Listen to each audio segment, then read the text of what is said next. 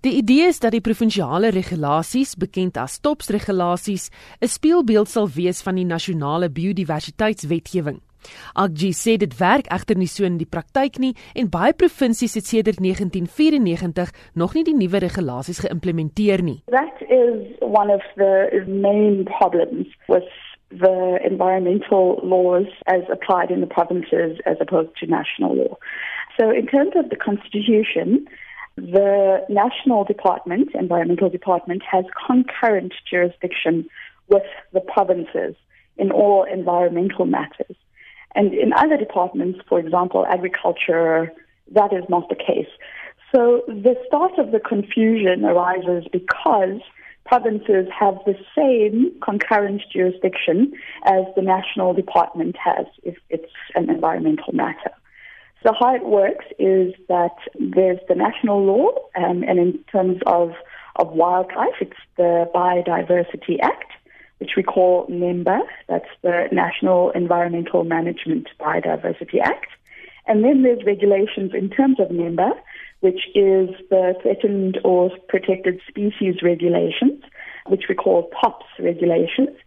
And those regulations only talk about species that are threatened or endangered. So in terms of those regulations, there's a list of species which hasn't been updated since 2007. And if a species appears on that list, then you will need a permit in terms of NEMBA and tops to do any sort of activity with that species, including taking it out of the wild.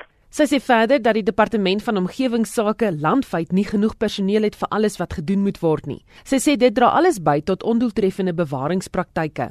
You pick up on a very important issue here is that every single province does its own thing.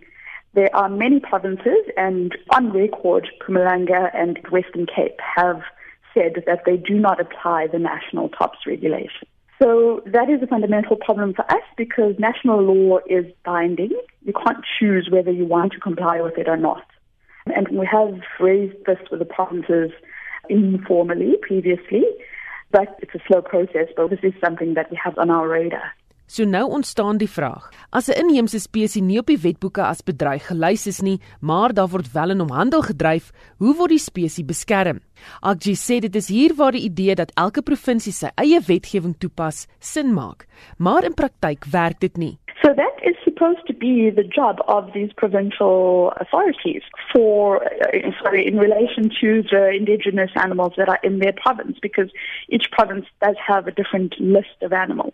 So the national legislation is there just for species that are threatened and endangered, and then all these other species need to be regulated by the provinces. But as you say, the provinces are not doing that. So the, the point is that the provincial authorities need to be a lot more strict and need to review the legislation for these kinds of gaps because you can't allow uh, these these kind of loopholes to arise, especially when there is, as you say, a new craze every once in a while, and, and new animals start getting bred, and sanctuaries then get filled up. I mean, monkeys is an, is another example. A lot of people like um, having little pet monkeys when they're babies, but then when they grow older, they they're very uh, difficult to keep in a house or in captivity, and then they have to go to sanctuaries.